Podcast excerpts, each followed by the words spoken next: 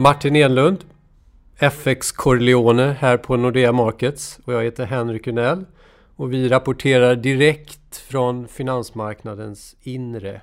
Eh, låt mig bara inleda med att säga om inte du eh, börjar prata Brexit Martin så kommer inte jag göra det. Jag lider av Brexit-fatig. Ni anar inte hur mycket vi vet om eh, den här frågan men jag har gått in i väggen när det gäller Brexit. Och eh, dessutom så väcker den här frågan sånt förakt för politiker och den politiska processen att det bara av den orsaken blir locket på. Jag, åt, jag lovar att vi ska återkomma till Brexit, men inte idag. Vi, kon vi koncentrerar oss på att förolämpa fransmännen istället. Ja, eh, men först, Äntligen. Martin. Börja med att rama in global konjunktur och den eh, momentana centralbanksstämningen. oj! Jätte, jättebra Jättefråga. början. Jättefråga. Ja, ehm, in, det Riksbanken har som globala vindar att förhålla sig till nu nästa vecka. Um, där de kanske höjer eller inte höjer. Hur, vad, hur de än gör så kommer de ha rumpan bak.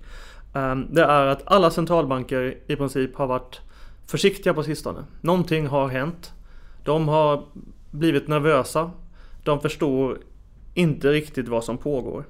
Eh, kan man väl säga. Och vad är det som pågår? ECB igår, eller förlåt, ECB Draghi nu i december månads presskonferens. Vad han sa när han blev frågad om oväntad europeisk tillväxtsvaghet kan egentligen sammanfattas med Fråga inte mig, det är bara att svara det. Och man vet inte riktigt. ECB har gjort en lista på 13 olika faktorer som de tror kan förklara varför allting har blivit svagare.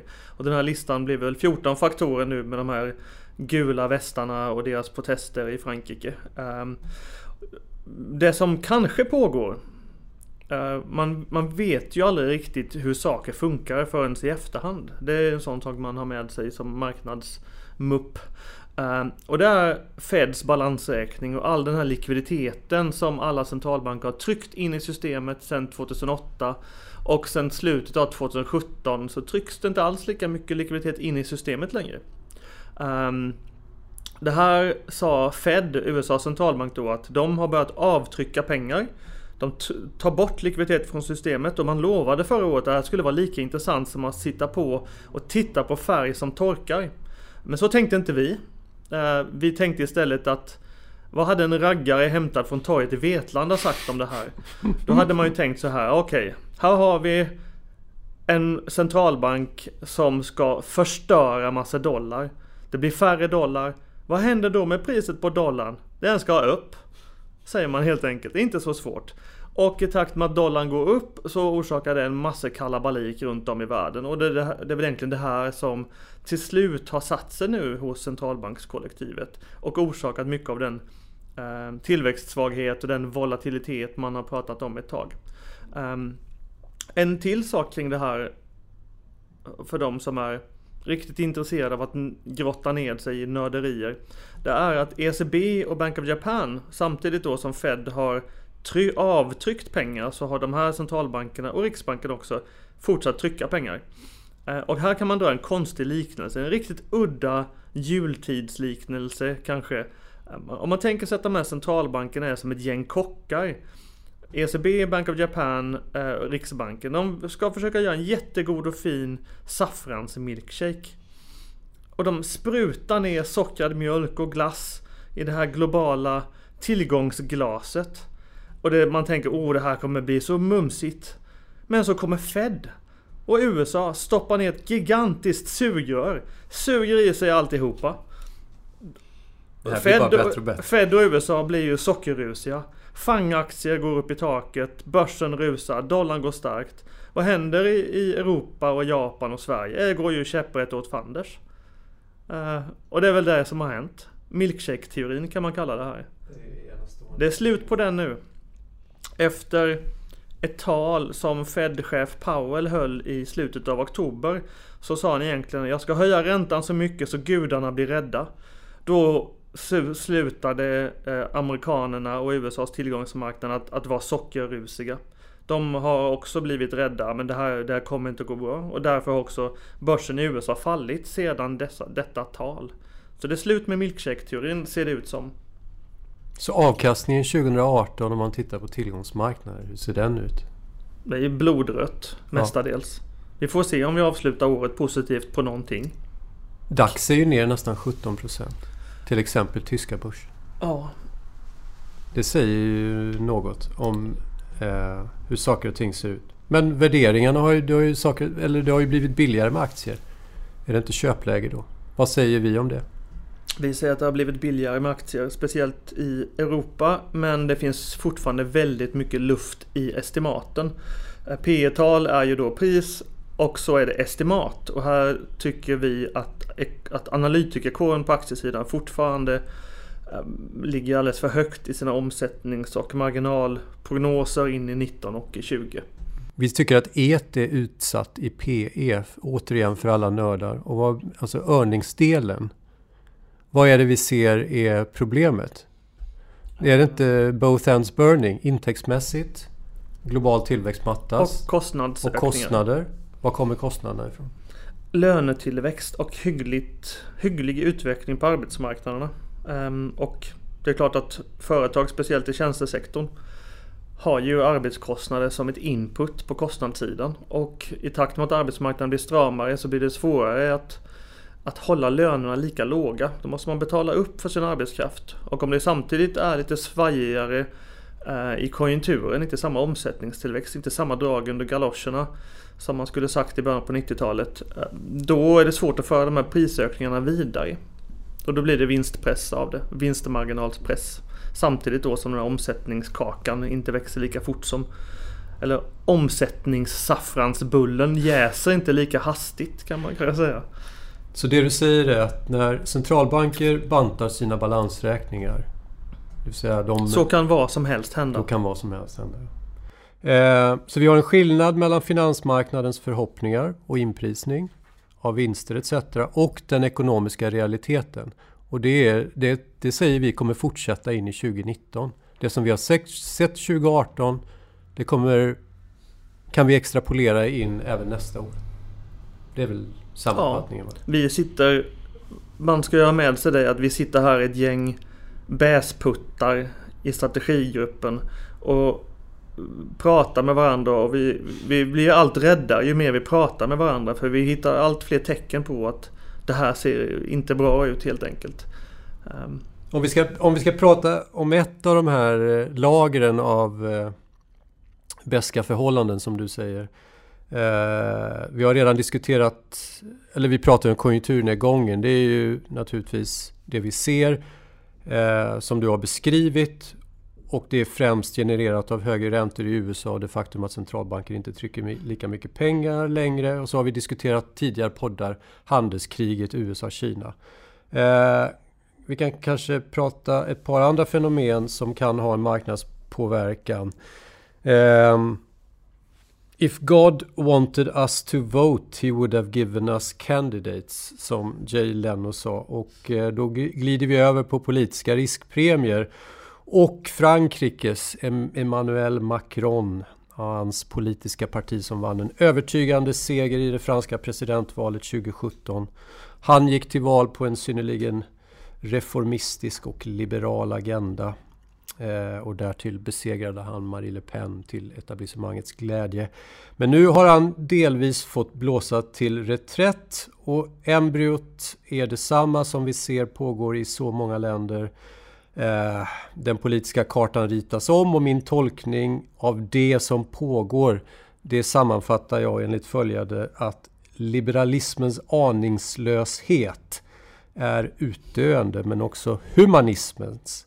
Eh, verkligheten hinner ifatt och det är uppenbart att människor hellre tillfredsställer snäva egna begär än att i någon form av altruistisk mening medverka till andras överlevnad.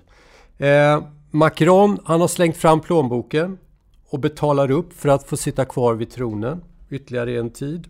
Ingen dieselskatt, han höjer minimilöner. Skattefri övertidsersättning etc.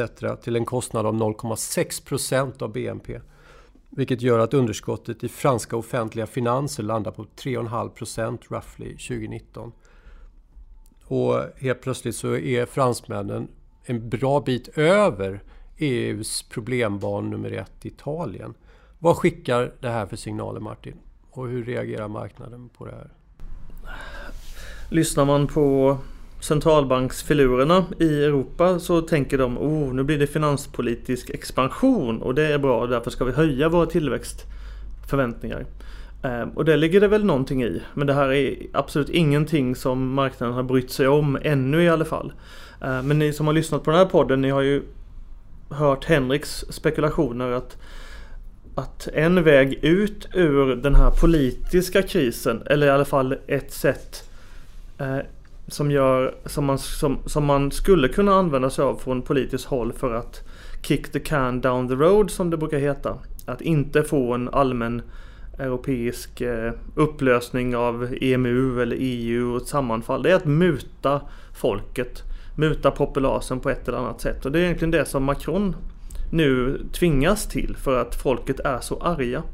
Ehm, så det är en sån sak som man kan eh, se hoppfullt på möjligtvis. Att, eh, ja, att den här folkliga ilskan faktiskt leder till en policyrespons som kanske gör att folk kan lugna ner sig lite. Precis. Och i så fall behöver kanske de här politiska riskpremierna som man har pratat om och förmodligen kommer prata om under stora delar av 2019. De kanske inte behöver bli så farliga. Om man ska vara lite hoppfull. Jag brukar dock eh, välja att fokusera på att inte vara så hoppfull. För jag tycker det finns många beslutsfattare, speciellt kring kommissionen, som inte har någon som helst aning om vad som pågår. Eh, man kan nu räkna ut till exempel att i runda slängar 25% av hela EU-parlamentet Eh, maj 2019 kommer förmodligen få nationalistiska eller populistiska eller EU-skeptiska partier på platserna. Men det här är ingenting man, man bryr sig så mycket om för där tänker man sig i dagsläget från Eh, de här liberala krafterna till exempel Macron och Mini-Merkel och så vidare. Att ja men de här populisterna och de här eh, krafterna då som, som representerar ett växande folkligt missnöje. De ska vi runtskära genom en ny decemberöverenskommelse i EU-parlamentet så att de inte får något som helst inflytande. Och visst, det kanske är bra på sätt och vis men vore det inte bättre att försöka göra folk mindre arga istället för att inte lyssna på dem. Så man kan säga att dagens politiska, liberala politiska setup, de lyckas inte lösa med sina metoder de problem som vi har i dagsläget. Och systemet utmanas på alla, eh, i, i flertalet länder. I allt fler länder ja. Nu blir det här en dyster podd, så kan vi inte ha det. Det här är Nej, därför så ska vi prata om Riksbanken så vi höjer humöret eh, ja. lite. Och deras välkrattade höjning. December eller har, februari? Ja, december. Den har vi följt och diskuterat här i podden vid flertalet tillfällen. Septembermötet när Ingves stod och lovade att nu höjer vi räntan med 25 punkter antingen i december eller februari. Marknaden har förberett sig för december. Men helt plötsligt, det välkrattade ser ut som om att det kanske har begravts en hel del efter framförallt veckans lägre inflationssiffra som vi fick. Berätta Martin, vad är det som händer med svensk penningpolitik nästa torsdag? Nästa torsdag? Då ska vi äta marsipantårta. Om vi får en räntehöjningsjulklapp. Um, så vad ja. var det med... Vi fick en svag inflationssiffra. Ja, så är det. Ändra detta på förutsättningarna. Riksbanken har hela, hela hösten sagt eller hela året har man sagt att vi ska höja mot slutet av året. Vi ska höja i andra halvan av 2018. Eh, och sen började man prata om att vi höjer i december eller februari. Ehm, och det här har gjort att marknaden i stort har tagit dem på orden och tänker att de har ju lovat nu att höja i december. Ehm, men det har de ju inte, enligt sig själva i alla fall. Ehm, de säger att vi, vet, vi, vi ämnar att höja i december eller februari om data kommer in i ungefär i linje och om så det inte händer så mycket globalt. Så hur har data sett ut? En, data har väl, hård data har generellt sett varit lite sämre. BNP krympte oväntat i tredje kvartalet, precis som i Tyskland och Japan. Och inflationsstatistiken har underraskat något giganormt.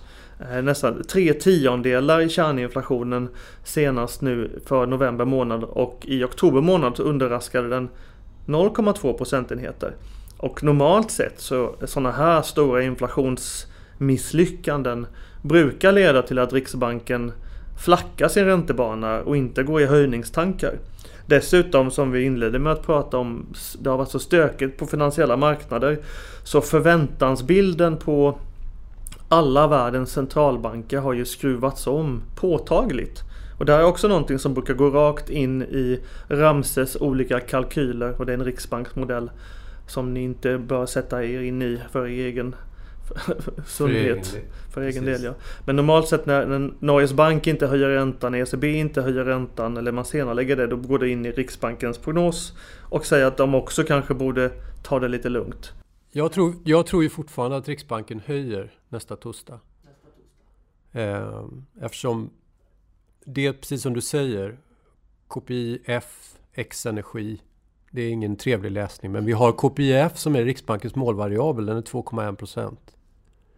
Och vi har ganska starka barometerdata i dagsläget. Det har vi. Om vi, och om vi bortser ifrån BNP-siffran Q3 som man skulle kunna förklara bort. Så landar jag ändå i att, eh, som vi har pratat om tidigare, nu vill Riksbanken höja räntan. Och de kommer motivera det på det sättet som de anser vara mm. lämpligt. Jag tycker man kan, de har ju ett val. Um, centralbanker bör ju generellt sett tänka lite eh, vara lite riskmedvetna om den penningpolitik de för. Eh, och man kan se, många, se på det på många olika sätt. Om Riksbanken höjer räntan nu i december då kommer de ju få massor av kritik för att de höjer räntan trots att inflationen har varit braklåg och trots allt det här globala stöket och trots att alla andra centralbanker väljer ju att vänta och se nu. Höjer man räntan ändå? Ja, då har man ju bytt reaktionsfunktion och börjat bry sig om någonting annat. Och de har ju själva sagt att de har inte bytt någon reaktionsfunktion. De säger själva att det här är inget löfte, det är en prognos. Säger Fast det är ju lite alltid. soul searching ja, i deras Men det här är å ena sidan. Det här är å ena sidan. Ja. Att om de höjer så kommer de få massor kritik för att de höjer trots alla de här utvecklingarna som man kan eh, sammanfatta globalt och inhemskt. Då.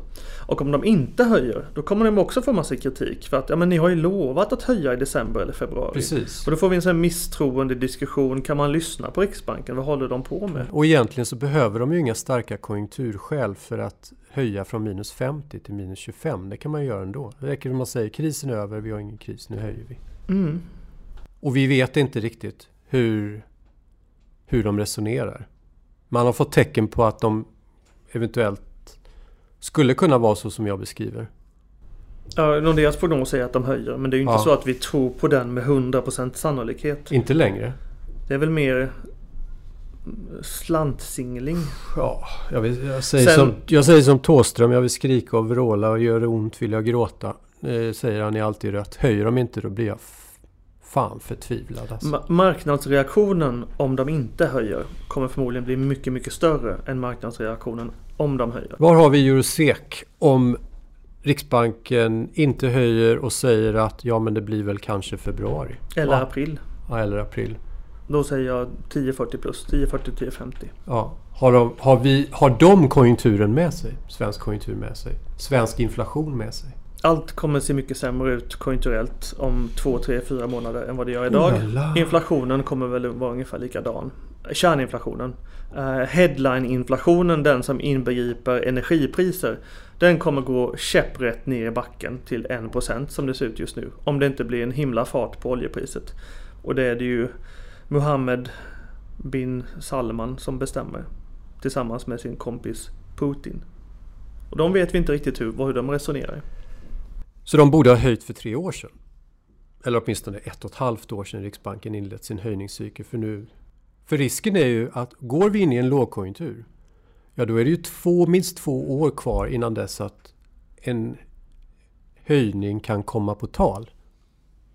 Eftersom vi ska in i en lågkonjunktur och det kommer ta ungefär två, två år innan dess att den är över. Givet att inget extraordinärt händer med fastighetspriser. De borde aldrig höjt så mycket 2000 2008, 2007. Den borde aldrig sänkt så mycket 2009, 2010. Den borde aldrig höjt så mycket 2010, 2011. Den borde inte sänkt så mycket 14, 15, 16. Men samtidigt, min Det är ju lätt att säga i efterhand. Ja, men den här avskyn, alltså min avsky för en slapp penningpolitik, det känner ju ni till. Den leder ju bara till den här totala ansvarslösheten. Pengarna rinner mellan fingrarna när de inte kostar något. Alltså finansiella villkor i Sverige är så skruvade eh, med den här svaga kronan och de här låga räntorna. Som om att det skulle gå att fixa fram ett välstånd utan att det får några konsekvenser. Det är någon form av resonemang kring att det, det går att få njutning utan lidande. För en drogberoende ekonomi så som den svenska är i termer av eh, att den är byggd på, på kredit och, och, och att fastighetspriser som stiger. Eh, och, men det, det som är intressant som du gärna kan få kommentera, det är ju det här att den som verkligen avslöjar Riksbankens gyckelspel och tankeram, det är ju Finansinspektionen här för ett par veckor sedan. Alltså sådana som du och jag Martin, de som kritiserar Riksbanken, vi kan ju alltid avfärdas som rättshaverister som har fått allt om bakfoten. Men när Finansinspektionen, en betrodd institution med generaldirektör Erik Thedéen, beskriver en ekonomisk verklighet som går på tvären med Riksbankens. Det har ju en helt annan tyngd. Eh, I sin senaste stabilitetsrapport så säger de till exempel att de senaste årens höga resursutnyttjande är pådrivet av extremt låga räntor och det har skapat ett drivhusklimat för skuldsättning och risktagande.